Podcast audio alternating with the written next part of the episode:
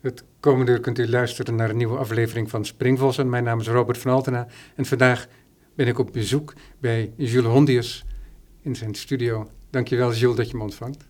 Welkom Robert. We ontmoeten elkaar omdat er een nieuwe film van je getoond wordt bij Galeria Kenji. Die is daar tot 24 december, voor kerst mogen we weer zeggen, uh, te zien. To Unveil a Star niet de eerste keer dat we elkaar spreken, maar de laatste keer is al heel lang geleden. Zelfs zo ver geleden dat ik me ook niet meer herinner welk werk we uh, destijds bespraken. Dat was nog tijdens de live-uitzendingen vanuit de OBA. Het is een lange film, meer dan 50 minuten. Ambitieus project. Hoe lang heb je eraan gewerkt? Ik heb er vanaf ongeveer 2016 aan gewerkt.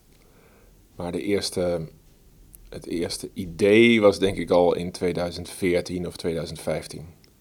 Ja, dus dat is wel heel erg lang voor mijn doen. Ook niet gek, in die zin dat jij toch wel trouw bent aan je onderwerpen, een beetje, aan je onderzoeksgebied. Omdat je toch ook wel vaak iets doet met machtsstructuren en velden een beetje op de nou, achtergrond, of soms op de achtergrond. Maar het komt toch wel, ik, voor mij ehm, is dat, was dat geen verrassing dat dat nu weer. Uh, oh, het onderwerp bedoel je? Ja, nee, ik dacht dat je bedoelde de, de, de, de lengte, de duur. oh nee, nee, nee, nee.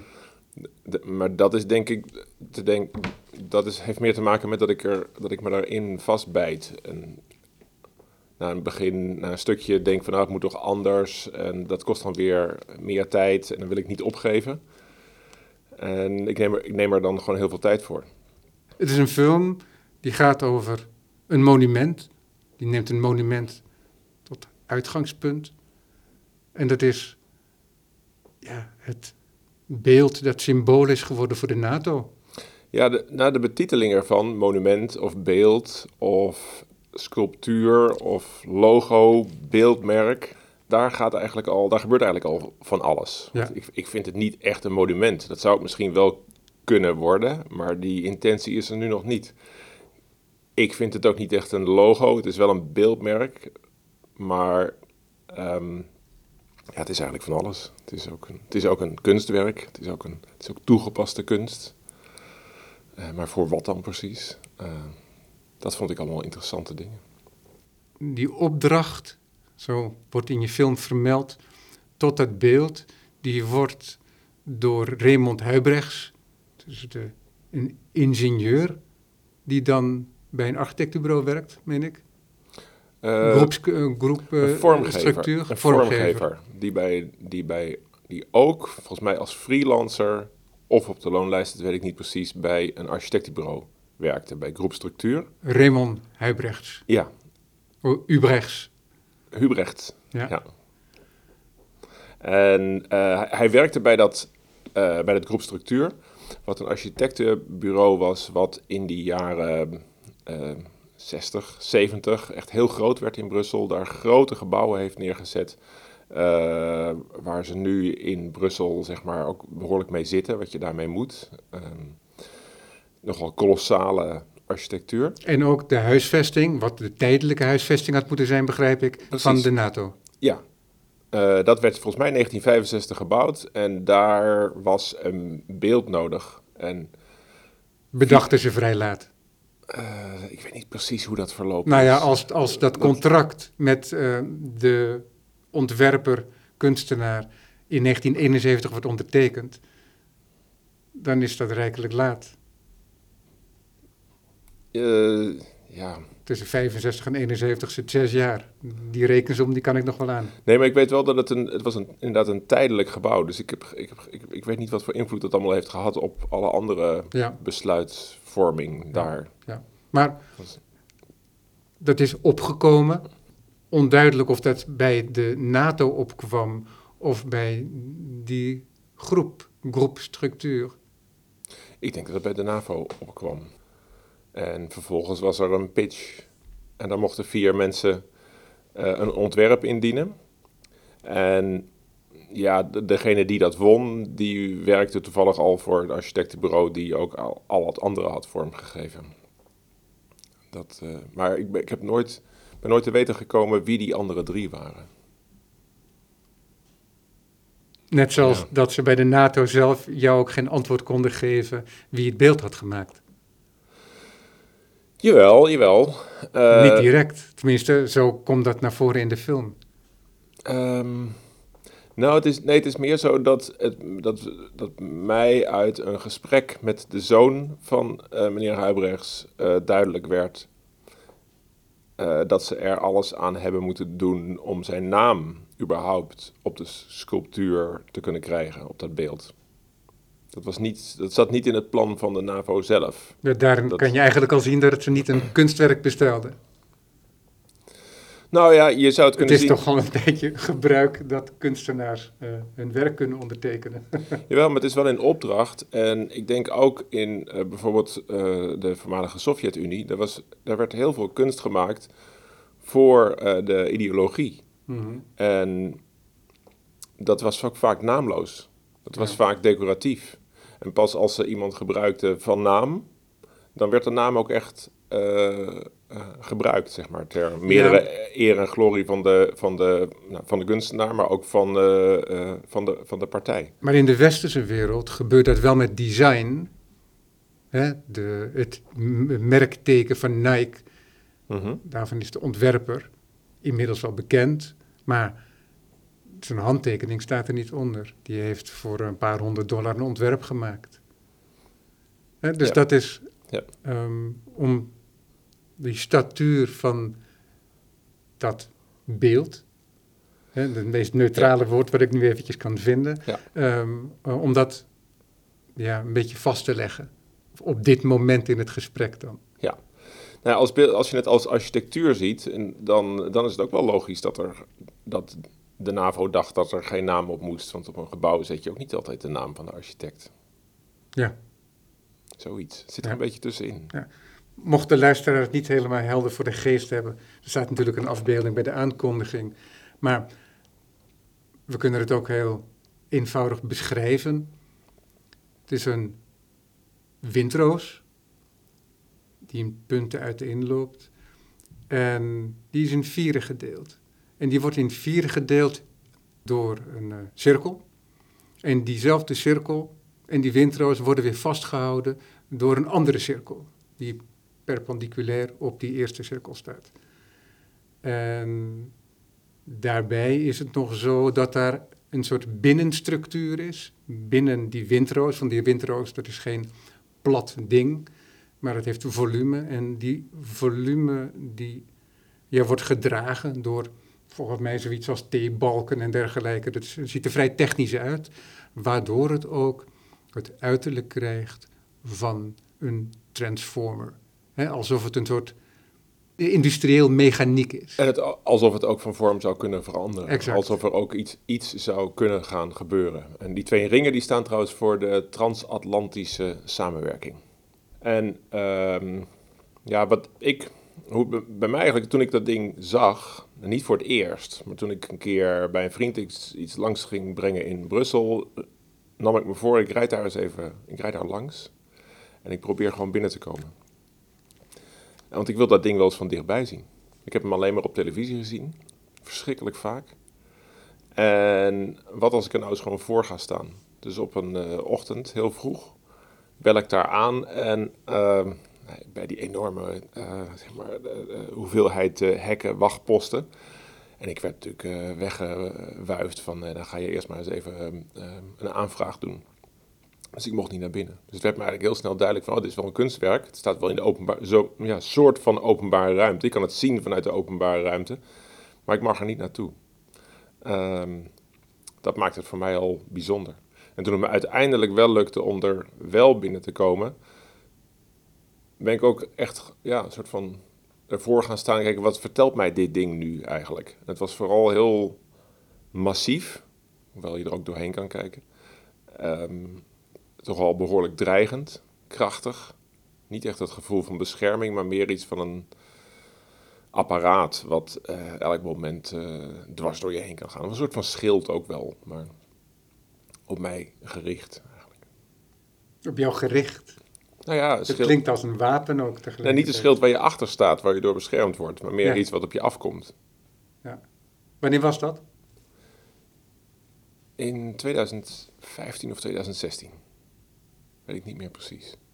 En wist je toen al dat je er een film over wilde maken? Nou, wat ik toen dacht, toen heb ik het weer volgens mij een jaartje laten rusten. Dan, moet het toch, dan moet het toch 2014 of 2015 geweest zijn. Heb ik het even laten rusten. Ik dacht, nou, ja, wat kan ik daar dan mee? En uiteindelijk dacht ik van, hey, dit is wat, wat, wat er vreemd is aan dit object, is dat het zo verschrikkelijk vaak op televisie is geweest. Ik kwam er al snel achter, of definieerde het zo eigenlijk van, nou, dit is waarschijnlijk het meest op televisie vertoonde stalen naoorlogse kunstwerk ehm, van de hele wereld. Maar we weten nauwelijks wie het gemaakt heeft. Het staat in geen enkel kunstgeschiedenisboek beschreven. Eh, dus het is eigenlijk een uitgelezen kans om, dit, om te proberen om dit ding wel op de kaart te plaatsen. Of het proberen te, te, te, te, te benoemen of van kritiek te voorzien of te bespreken, te tonen. Dat was mijn oorspronkelijke doel. Ik dacht, ik maak, eh, ik maak een boek. Ik ga dat ding gewoon heel goed fotograferen. Want dat, dat was ook nooit eerder gedaan. En dan maken we er een heel dik koffietafelboek van. En dan proberen we dat in de beeldende kunstwereld naar binnen te krijgen. En die zullen dat natuurlijk eh, niet accepteren als, iets wat in de Global Collection komt. En al dat dat dan teruggeduwd wordt, dat boek, dat is eigenlijk wel interessant. Dat was mijn eerste idee. Maar terwijl ik dat dus eh, aan het fotograferen was,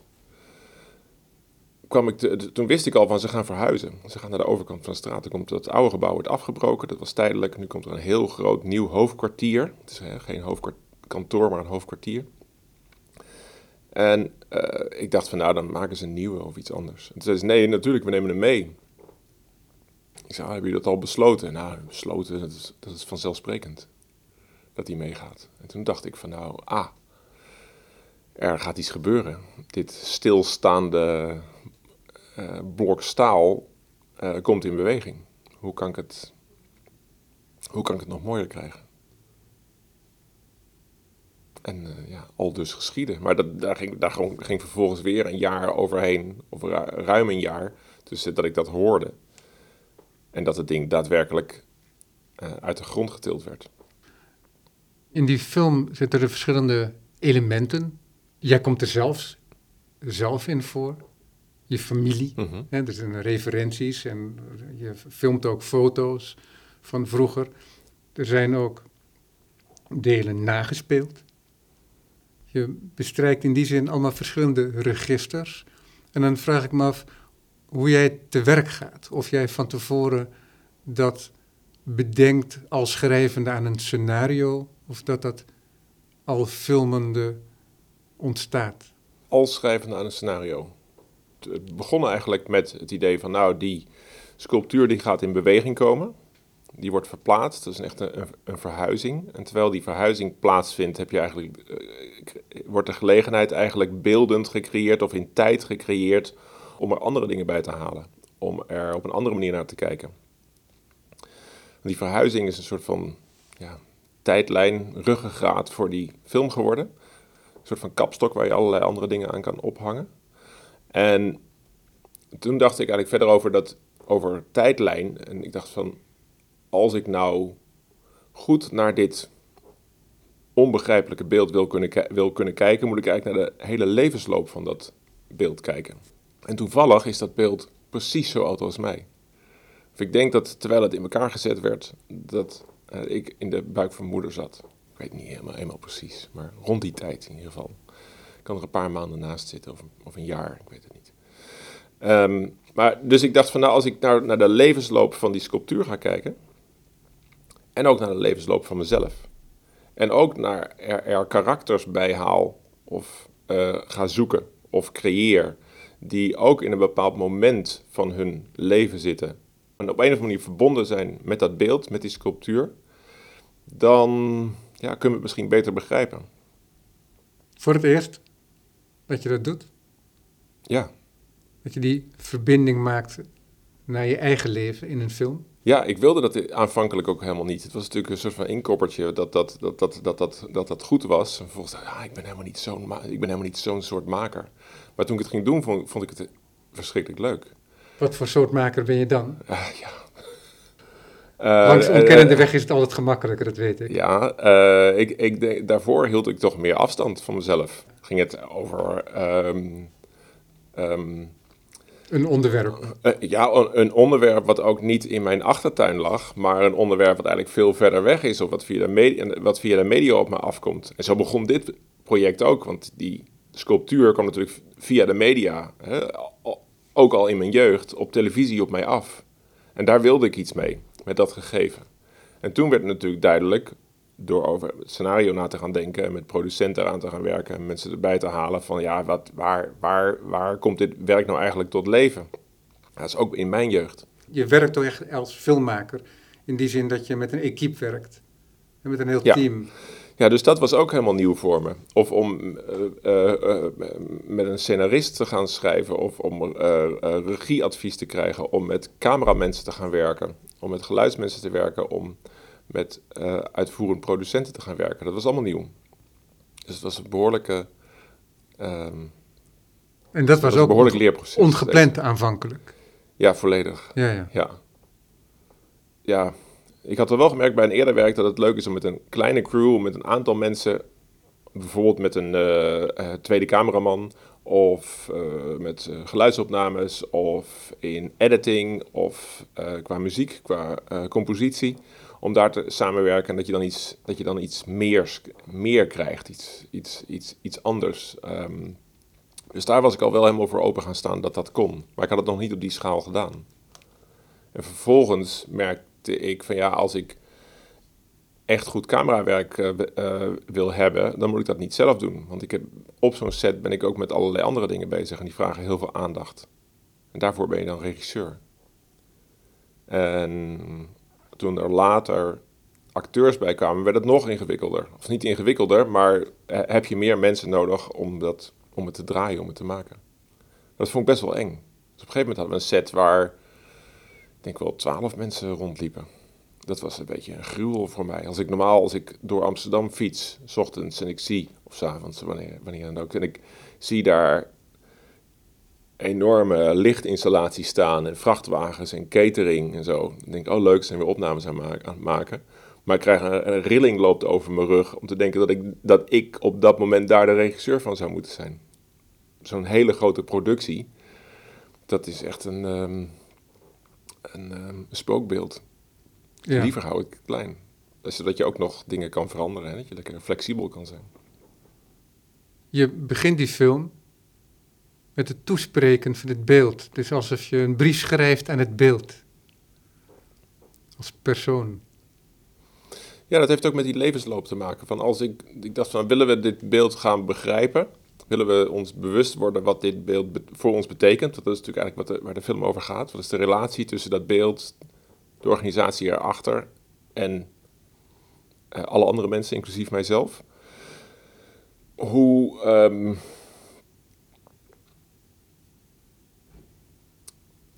Mm.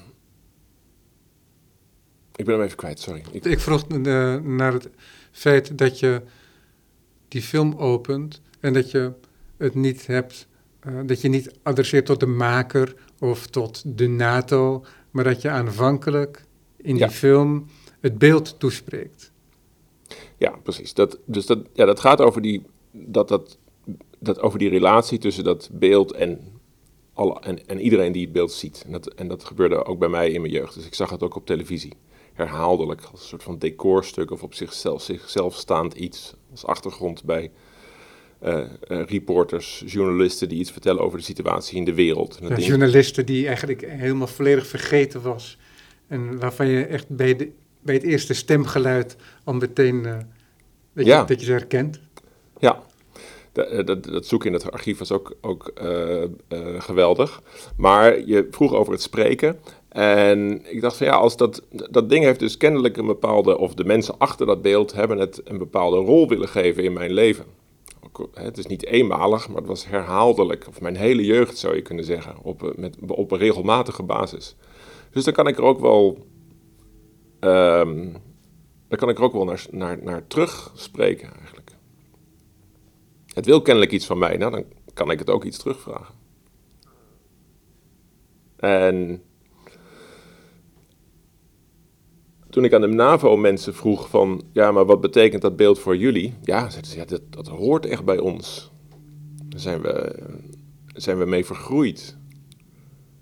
En dat, dat, dat heeft ook al iets, um, alsof het een beetje tot leven komt, iets, iets antropomorfisch, een heel lastig woord is daarvoor. Um, en het aspect dat het, um, hoe noemden we het nou ook alweer, uh, een soort van transformer kenmerken heeft, suggereert dat ook. Ja, ja, precies, want je kunt uh, in de delen van de windroos, waarin de windroos uiteenvalt, daar kun je ook staartstukken van vliegtuigen of van kruisraketten, zo je wilt, ja, het kan uh, uh, inzien. En, ja. je kunt dit, daar kun je van alles mee. Het kan dus nog van alles dus, worden. Ja. ja. Dus, in, dus in die zin lijkt het ook inderdaad op een mogelijk wapen. Ja, dus wat, het, wat, wat ik me afvroeg, ja, wat, wat doet dit beeld in de geest van verschillende mensen? Van, voor wie het bestemd is of wie ermee te maken hebben. Ja, want, hè, om dan over mezelf te hebben. Ik heb zelf nog nooit één gedachte gewijd aan dat beeld. In mijn hele leven niet. Ja, totdat ik je film ging zien. Maar ik heb het gezien. Ja. En ik herkende het. Maar verder heb ik daar nooit iets mee gedaan. Ja, ik was er denk ik uh, eerder ook niet zo mee bezig. Het was meer dat ik in dus 2015, 2016 interesse kreeg voor het beeld, omdat het dacht van nou, het is zo'n zo belangrijk mediabeeld. Wat, uh, uh, hoe is dat dan precies tot stand gekomen? Um, en um, laten we deze even opnieuw doen. Ik zat in een hele gedachtesprong. Oké, okay. ja. Die, ja omdat, uh, ik, omdat ik zei dat ik er zelf nog nooit een gedachte aan had gewijd aan het beeld zelf. Hoewel ik het wel herken en kon plaatsen. Ik wist ja. dat het ding ergens daar in Brussel staat.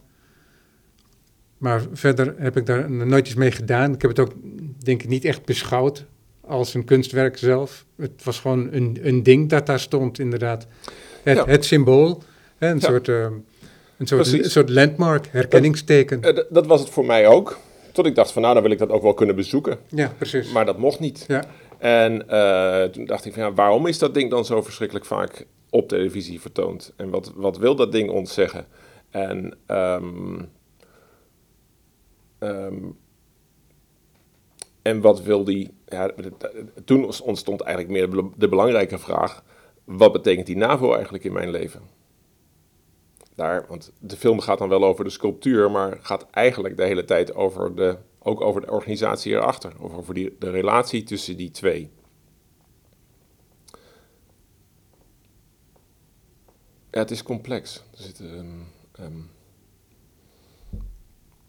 ja, het is een symbool, het is een symbool uh -huh. van iets. En op wat voor manier, hè, dat soort vragen komen allemaal naar voren. En, um, en die groeien eigenlijk alleen maar door de manier waarop je het filmt ook. En inderdaad kun je dan ook afvragen ja, van wat is de NATO? Nou, daar kun je een heel droog antwoord op geven. Ja, kan je, uh, uh, precies. Dat kan je zien als een uh, soort van stapel document, ondertekende doc documenten door allerlei verschillende landen.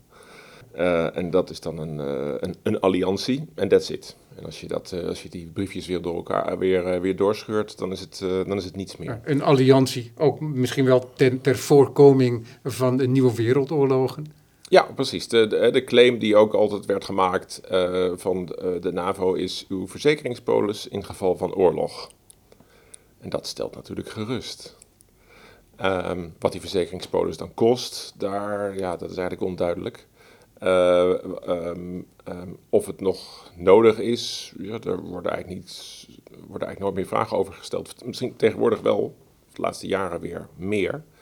Maar toen in 2015, 2016 was die, dat onderwerp NAVO was een non-onderwerp. Het was eigenlijk helemaal stil. Die moesten zichzelf een soort van heruitvinden. En ik vroeg me af, ja, waarom moeten ze zichzelf eigenlijk heruitvinden? Dat was toch een eerst een oorspronkelijke vraag, een bedoeling en nou, kennelijk zitten ze in een soort van transformatie waar ze niet te veel aandacht bij kunnen krijgen. Of, of nou, ik weet niet precies hoe dat werkt. Maar ik dacht van ja, maar dit grote apparaat heeft nog wel steeds dezelfde ehm, macht. Militaire macht, politiek militaire macht, politieke invloed. Die nogal ingrijpend kan zijn. Die nogal in geval van oorlogen ehm, grote invloed op ons, onze maatschappij kan hebben. Ehm, maar we hebben er eigenlijk helemaal geen discussie over. Als je mensen vroeg, wat is de NAVO in 2015, aan bijvoorbeeld 30-jarigen, die uh, gewoon uh, een goede middelbare school hebben gedaan, dan wisten ze het vaak niet eens. Ze zeiden ja, zoiets als de United Nations, een soort van vergelijkbare organisatie, zoiets. Uh, maar dat is het natuurlijk helemaal niet. Dus die soort van vanzelfsprekende aanwezigheid van die alliantie of organisatie, dat vond ik eigenlijk heel vreemd. Um, en ik maakte de vergelijking met mijn jeugd, waarin ik ooit ging demonstreren tegen de plaatsing van 48 kruisraketten, waar toen uh, half Nederland voor uit, uitliep waarbij de NAVO ook zeg maar, het doelwit was of bevraagd werd. Was dat het hele gezin? Ja, dat was het hele gezin. Hondius? Ja. Niet de hele familie. Dat, dat, daar liep toch wel... Uh, liep, ja. Nou, het was natuurlijk zo gepolariseerd, dat debat destijds... dat, dat, uh, dat je echt... Ja, je was voor of tegenstander. Ja, maar jij bent daar dus heel bewust mee opgegroeid. Ja. Voor mij was het een soort achtergrondrumoer. Ik, bedoel, ik wist dat het bestond. Ja. Maar we zijn ongeveer net zo oud. En ik heb me daar zelf nooit mee bezig gehouden. Dat gebeurde in mijn familie ook niet. Maar was dat iets wat een actief onderdeel is geweest van jouw leven als kind? Als kind ja. en als tiener? Ja, ook omdat ik merkte, omdat ik me daar dus over uitsprak en op straat ging liggen in een demonstratie in Emmeloord, waarbij we een kruispuntje uh, stillegden Ehm, en ons daar moesten, daarvoor moesten verantwoorden op school. Uh, neem je, ja, je, neemt duidelijk stelling. En niet al jouw vrienden zijn het daarmee eens. Vonden dat, uh, veel daarvan vonden ze een beetje belachelijk. Ja, ja wat, wat ik heel interessant eraan vind ook, is dat jij niet een activistisch kunstenaar bent. Want dat zie je nu heel veel uh, gezicht krijgen. Hè, dat wordt heel veel naar voren ge gebracht. Werken van kunstenaars waarbij het niet helemaal duidelijk is waar het onderscheid ligt tussen activisme en beeldende kunst. Ja. Maar dat is bij jou helemaal niet het geval. Nee, ik heb bij deze film, bij dit werk, ook daar um, eigenlijk heel erg mee zitten worstelen. Van hoe, in, hoe activistisch wil ik dat dit wordt? Want die activistische roots die, die hadden de neiging om heel sterk naar boven te komen. Uh, ik haalde ook uiteindelijk ook als karakter een activist uh, uit uh, België de film in. Ja, heel kort. Ja, en zijn, zijn, zijn stem hoor je, hoor je vaker. Ja. En die, was, ja, die is daar zeer kritisch over. Uiteindelijk heb ik, al, heb ik hem steeds gevraagd naar die sculptuur, dat beeld wat hij daarvan vindt. Wat, dat, wat ons dat wil vertellen. En wat de NAVO ons wil vertellen. Die, dat, dat heb ik hem zeg maar toegestaan. Ja. Ik heb hem ook nog toen gevraagd uh, wat, het, wat het alternatief dan zou kunnen zijn voor die organisatie. Maar later heb ik het er allemaal uitgehaald. Ik dacht van dat is eigenlijk niet wat deze film... Dus niet de functie van, van dit werk, is niet de functie van deze film. Deze film wil eigenlijk alleen maar je bewust maken van van de organisatie en hoe die zich manifesteert. Dus hoe die zich in de, in de media aan je toont. Uh, welke krachten daar meespelen. En niet zozeer. Um, Allerlei standpunten, stellingnames die tegenover elkaar nee, uitgespeeld nee, worden, bijvoorbeeld. Niet, nee, in die zin wilde ik nu dus niet zo'n soort de klassieke documentaire maken met, met uh, verschillende mensen die tegenover elkaar uh, worden gezet. Ja. En uiteindelijk wordt, VPRO worden tegenlicht. Uh, bijvoorbeeld, en dat wordt natuurlijk altijd heel knap en mooi gemaakt, maar dat wordt je, daar word je ook heel duidelijk in gestuurd. En uiteindelijk eindigt het met een stelling of met een vraag waarbij je natuurlijk eigenlijk het antwoord ook al wel weet na het zien van de film, uh, van de documentaire. Ik dacht, nee, dat, dat, uh, dat is eigenlijk niet wat ik wil. Ik wil niet zo, ik wil niet zo sterk sturen. Ik denk dat mijn, zeg maar, mijn politieke achtergrond er wel heel sterk in zit. Maar ik, laat het, ik wil het ook echt heel erg over, open laten. Ik wil het niet relativeren, maar ik, ik wil het juist wel belangrijk maken. Um, maar ik wil niet te sterk sturen. Dus ik wil in die zin niet activist zijn. Ik ben ooit wel begonnen met een project als fotograaf, student in Tsjechië, wat, heel, wat in zover heel puur activistisch was. Waar ik mensen vertelde, dit is wat er gebeurt in dit land. En ben ik tegen, en zouden jullie ook tegen moeten zijn. Stop ermee. Gewoon zwart-wit. En ik vond dat dat daarvoor toen nodig was. Maar toen ik dat klaar had, dacht ik ook gelijk van, nee, maar dit gaat niet de rest van mijn levensloop, uh, wil ik me niet zo opstellen. Ik vind het veel interessanter om op een soort van grens te lopen en die te tonen en het dan mensen lekker zelf uit laten maken. Dus het gaat meer over dat ja, mensen er bewust van eh, maken. Ja, want het blijkt ook een beetje uit je oorspronkelijke idee. Dat je een boek wil maken en dat je dat wil introduceren in de kunstwereld als kunstboek. En dat je daarmee die transformer, dat beeld, dat je dat transformeert van symbool voor een militaire organisatie tot een kunstwerk die ook een zelfstandig bestaan zou kunnen hebben.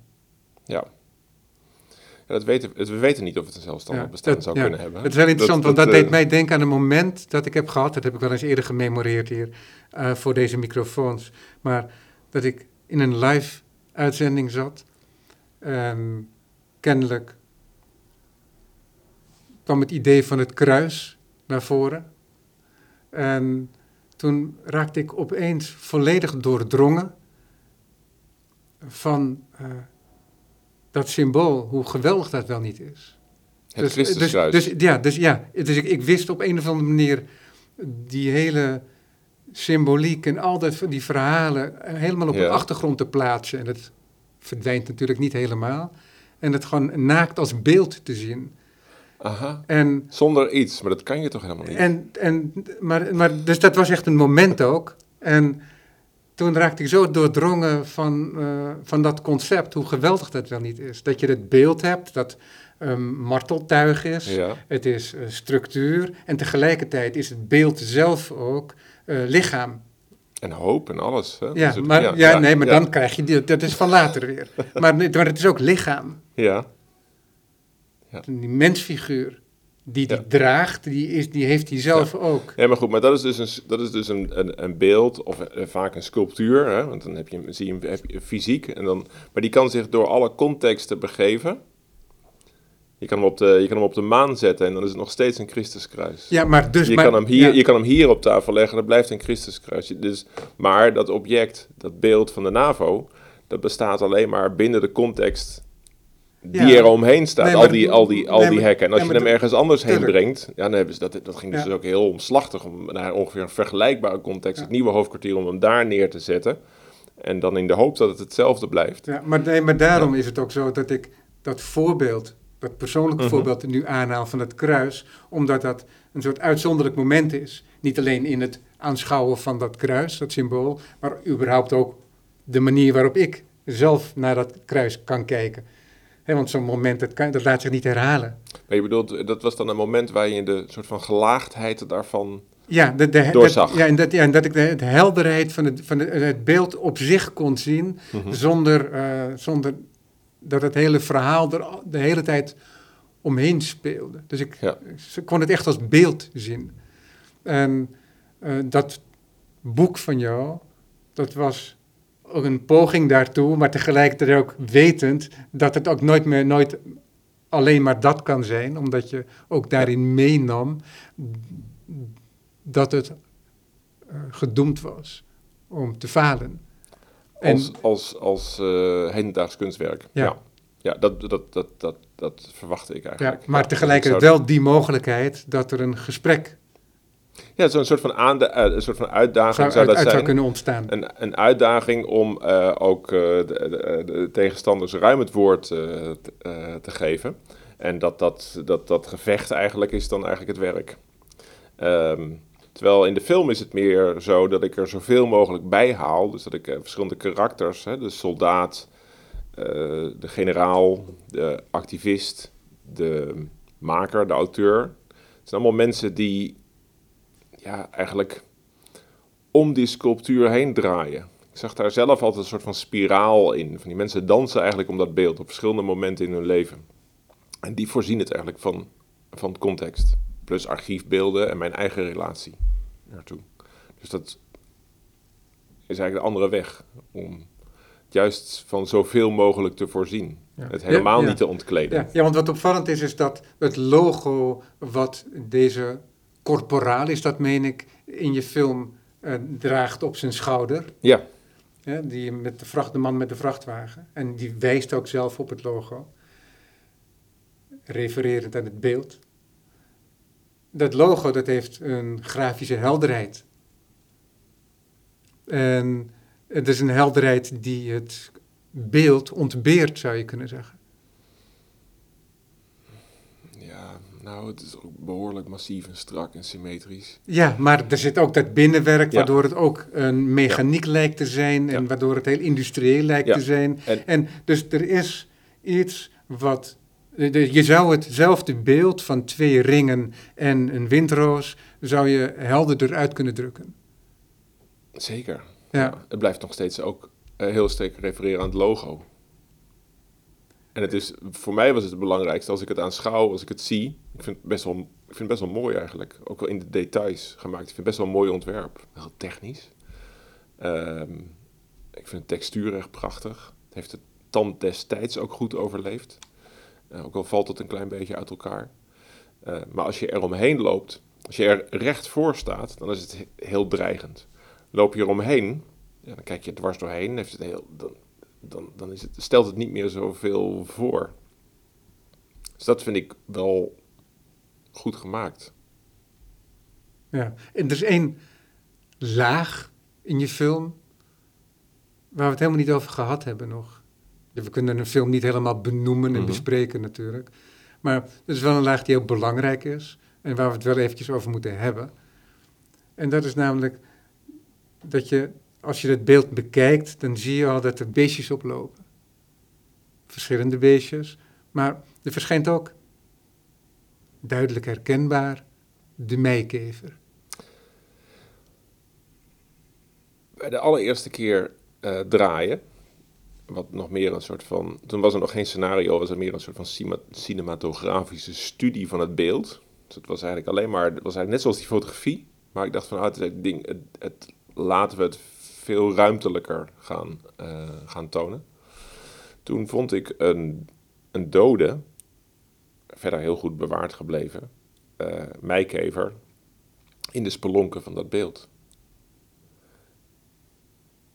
En vervolgens keek ik naar de betekenis van die meikever in de, in de geschiedenis. En wat bleek, dat is een soort van voorbode van ehm, zowel geboorte, hè, mei, als hongersnood en dood door, door plagen. Dus in de geschiedenis van Europa is die meikever is een behoorlijk dramatisch beestje. En kreeg vroeger ook veel meer aandacht. In Nederland bestaat hij eigenlijk bijna niet meer. Ja. beetje in het zuiden. Eh, in Duitsland is nog steeds een plaag. Dan gaan de bossen eraan. In Oostenrijk ook. Ehm,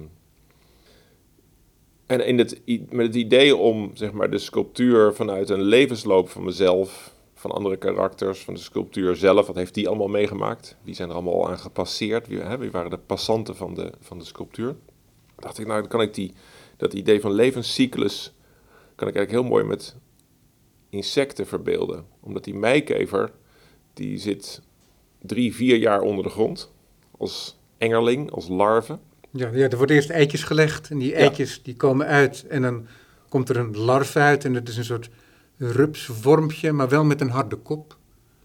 Een soort, Ja, soort geharnaste kop. Hele enge vieze beesten eigenlijk. En, Heel klein. eh, heel klein, heel kwetsbaar. Dus En, dus, en die eh, zijn het eh, schadelijkste. Deze larven Ja. eten engerlingen, zoals je al aangaf. Ja. En die vreten wortels aan. Ja, van jonge bomen, waardoor hele stukken tussen Frankfurt en, en Mannheim hele bossen eraan gaan. Of gewoon geen, er is geen nieuwe aanwas. Ja. En dat, dat probleem is eigenlijk niet goed te bestrijden. En dat gaat ook met een bepaald ritme. Dus om de zoveel, je, hebt, die, je hebt dat ritme van dat ze drie, vier jaar onder de grond zitten. En dan naar boven komen en dan ongeveer, en dan ongeveer een maand op zijn langst eh, eh, leven, eten, voortplanten. Ehm, maar er is ook nog een... Voordat er ze is- verpoppen en transformeren tot meikevers. U hoort, Ja. u hoort het wel, er is ook weer hier sprake van transformatie. Ja, v- van eh, verandering. Ja. Ehm, de- de- en dat zegt natuurlijk de eh, Stoltenberg, de generaal, genera- eh, secretaris-generaal van de NAVO, zegt dat ook.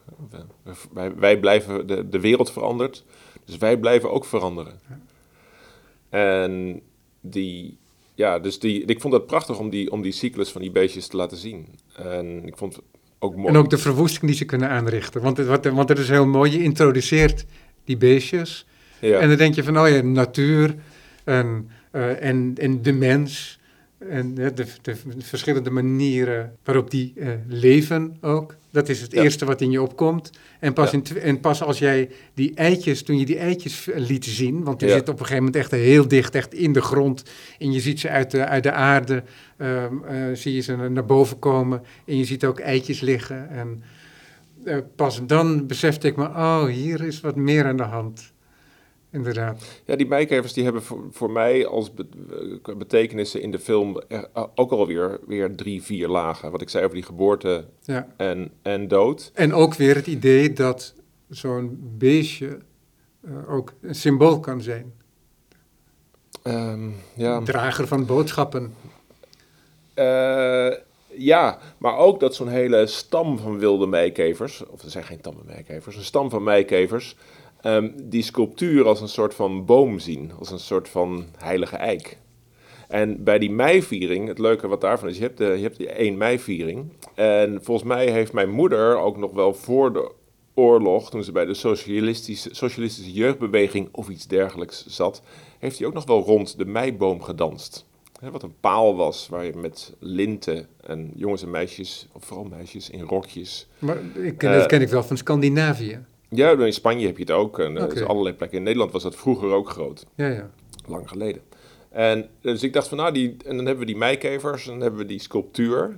Dat is ook een soort van heilige eik die vereerd wordt. En op meerdere manieren probeer ik in de film zeg maar, de, de religieuze eigenschappen van die sculptuur te benadrukken.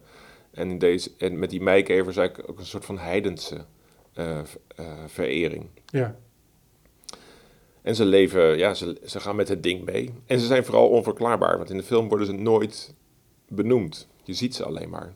ja. Dus ehm, laatst hebben we de film in Utrecht eh, vertoond op een eh, locatie eh, ehm, waar mensen dagelijks naar binnen konden lopen. En ik ben er ook een paar keer gaan zitten. En dan kwamen mensen naar buiten en die zeiden van ja, die, die, die, die insecten.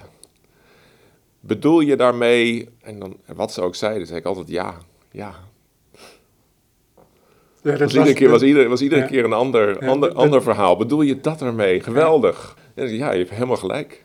Dat is het. Dus je mag erin zien wat je, wat je, wat je wil. Maar dat doet het ook.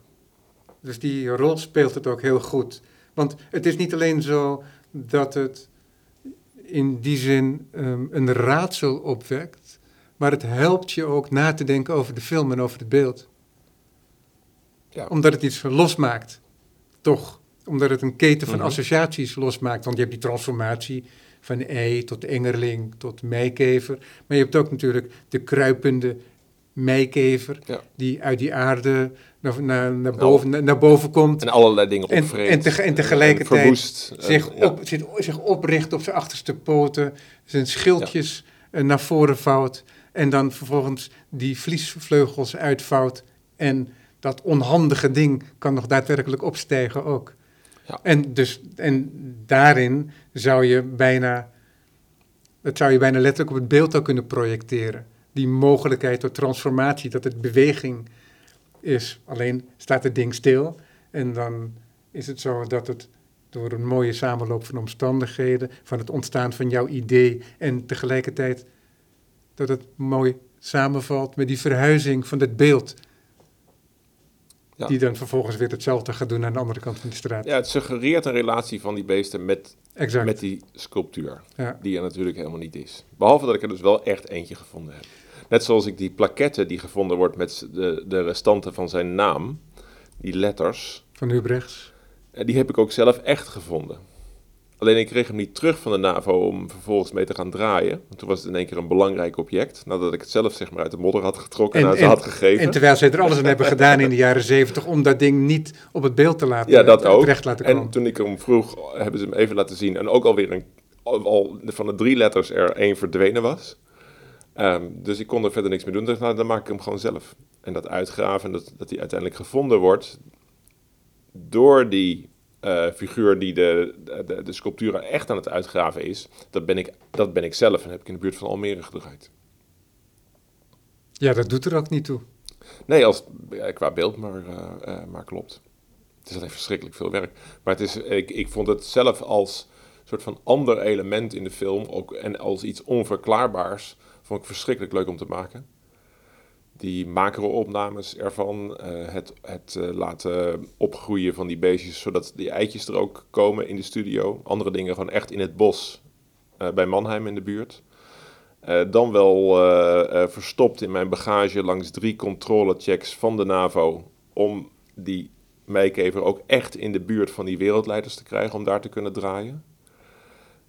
Wat niet uit te leggen is, als ze me gesnapt zouden hebben. Wat moet.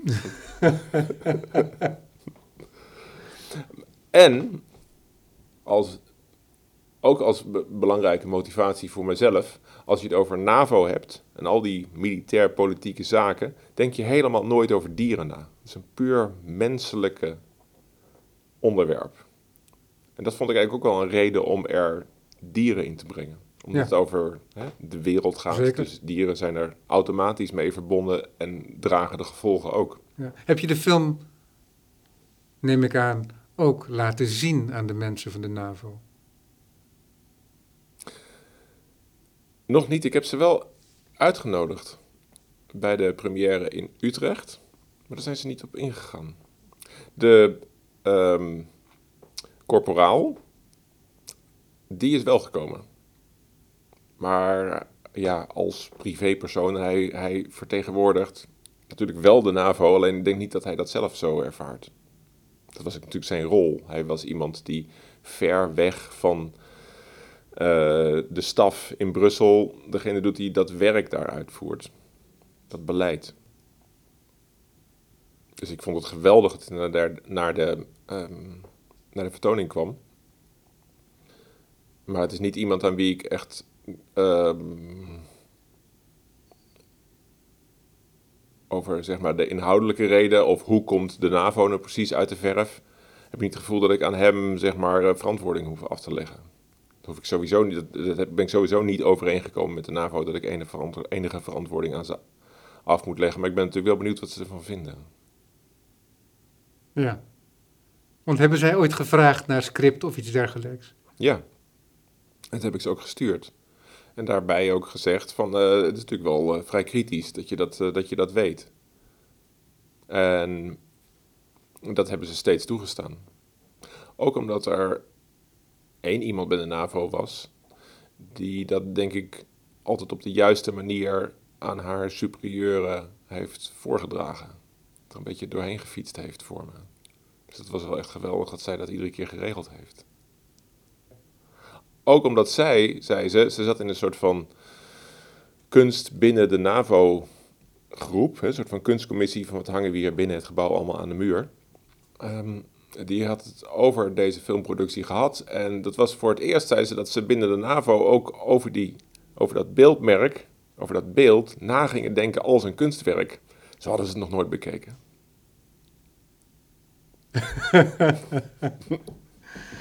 Wat mij heel veel vertelde. Dat het voor hun ook geen kunstwerk was, maar wel heel erg belangrijk. En ben je heel trouw geweest aan dat scenario? Nou, dat was een scenario in grote lijnen. En, nou nee, het was een vroege versie. Dus ik denk dat er nog wel echt van alles veranderd is. Maar ik ben wel continu met ze in contact gebleven. Oh ja, nou, heb- maar, zo bedoel ik het ook niet. Maar ook meer voor jezelf. Dat jij als kunstenaar, je hebt een scenario geschreven Ja, en je maakt je werk. En je gaf al eerder aan dat het jou altijd een nachtmerrie leek om met een grote team te werken. En om ook iets van je bewegelijkheid te verliezen. ja, En op het moment dat je een scenario van tevoren projecteert, dat Mhm. is ook om houvast. Hè? Je kunt het als een beperking zien, maar het kan ook ruggengraat geven aan je project. Dus ik vraag me af ja, wat voor functie dat heeft gehad voor jou. En of je, scenario. ja, en of je jezelf de vrijheid gaf om daar ook weer van af te wijken. Ja, het, het maken van het scenario was echt een manier om erachter te komen hoe, hoe gaat deze film nu eigenlijk werken. En vervolgens, ja, je maakt het scenario, vervolgens ga je het draaien en dan blijken dingen toch anders te werken. Eh, eh, eh, beter of slechter, dat kan, dat kan beide kanten uitgaan. Eh, bij één scène van de, eigenlijk van de corporaal, dat is echt documentair geworden. Dat was ik, in eerste instantie was ik van plan om dat, om dat eh, als fictie te draaien. Net zoals de generaal was ik eigenlijk van plan om dat documentair te draaien. Dat werd wel fictie. En ja, hoe dat Ja, een hele gekke scène is dat ook. Welke? Die is van die deputy general. Ja. Ja, dat is natuurlijk een, een, iemand die ehm, denkbeelden van medewerkers, van stafmedewerkers van de NAVO eigenlijk vertegenwoordigt. En de woorden die hij uitspreekt zijn ook wel door een echte generaal gedaan, die ik ook echt, die ik zelf heb opgenomen bij een lezing in, ehm, in Londen. Maar ik wou hem eigenlijk meer laten vertellen. Ik wilde hem ook laten vertellen wat, die, wat zijn relatie met die sculptuur is. Ehm, dus ik ging het. Ik maakte er fictie van, omdat ik dacht van nou, dan, dan wordt er wel. Dan worden die woorden gezegd die ook in de werkelijkheid gezegd zijn. Maar kan ik het nog iets meer naar mijn hand zetten? Ja. En of, dat, en of dat altijd oplevert wat je wil, dat is de vraag. ja. Dat ehm, vind ik nog steeds heel lastig. Ehm, van die corporaal in Litouwen leverde het eigenlijk veel meer op dan ik verwacht had. Ik dacht eigenlijk veel beter fictie kunnen draaien. Vlak nadat ik gedraaid had, dacht ik, oh fout, we hadden dit fictie moeten doen. Ik denk, nee, maar toen bekeek ik het materiaal nog een keer, dacht ik van nee, het is toch wel iets moois. Het is toch wel iets echt, iets wezenlijks, wat die eh corporaal daar zegt. Dat was ook verrassend. Dat is natuurlijk wel een heel ge- lijstje vragen die een bepaalde kant op gaan. Maar goed, dat kan, dat mag. Maar ik heb er niet in zitten manipuleren. Ja. In, Ja, ik, ik vond het heel mooi dat gebied wat er ontstaat tussen feit en fictie. Ook binnen een scène, dat iets heel waarachtig lijkt, tegelijkertijd klopt er iets niet Hmm. op de een of andere manier. En, ehm, en dat is heel prettig. Dat is heel goed, want dat maakt het eh, dat het een beetje wiebelt. Ja, dat en hele, dus, dat hele, die, en hele, dus een bepaalde onzekerheid ook meekrijgt. die hele sculptuur, dat beeld, dat moet natuurlijk gaan wiebelen. Dus je moet je altijd afvragen of dat wel echt is. En je ziet ook aan die, de, eigenlijk in de eindscène zie je de ceremonie tot bloei komen met 29 wereldleiders. En de sculptuur die daar een soort van nou in de film een hele centrale rol in heeft, heeft gekregen. En dan besef je je ook steeds meer, als het goed is, dat is wat ik wil, dat het een theater is, dat het een voorstelling is. Dus die hele, Maar dan moet je niet verklappen dat het beeld niet echt is. Eh, nou, dat beeld wat daar in Brussel staat, tussen die negen, naast die 29 wereldleiders, is natuurlijk, is natuurlijk echt. Ehm, ehm, Of is het een Maar- hersenspinsel maar- van Jules Hondy? nee, maar het is natuurlijk een, die, die hele eh, setup, die hele NAVO-top die we toen gedraaid hebben. ehm, dat is, eh, daar, daar is duizend man media bij aanwezig. Daar is, is duizend man beveiliging en diplomaten eh, bij aanwezig. Maar er zijn geen werkelijke toeschouwers. Dat is die duizend man media die ik moet gaan overbrengen naar de rest van de wereld. Maar het, het voelt alsof er, eh, ja, je denkt, waar is die tribune? Ja, ja maar datzelfde dit- dit- gebeurt ook in jouw film. Alleen is het zo dat het in jouw film een beetje wiebelt. Dus het, Mhm. via die media heeft het zo'n neutraliteit en zo'n vanzelfsprekendheid, omdat het zo gecodeerd is dat wij het allemaal herkennen, dat het dat niet heeft. En dan kan je het mee eens zijn of niet mee eens zijn, maar dat is Mhm. wat anders. Ik- Maar, maar ehm, als ik jouw materiaal zie, dan zet me dat veel meer aan het denken, maar op een andere manier. Dan het directe denken over de structuur en weet ik wat allemaal en over boodschappen. Ja. Ja, want die beelden die krijg je normaal, die krijg je al via de media. Ja, En daar kan je dan ook je gedachten bij hebben. Maar ik probeer daar natuurlijk diep onder te duiken. Ja. Met alle mogelijke middelen die je maar hebt. Alleen de camera staat op hetzelfde gericht. Gilondier. Dankjewel. Je film To Unveil a Star is nog eh, te zien bij Galerie Akinci tot en met 24 december. Dankjewel. Graag gedaan.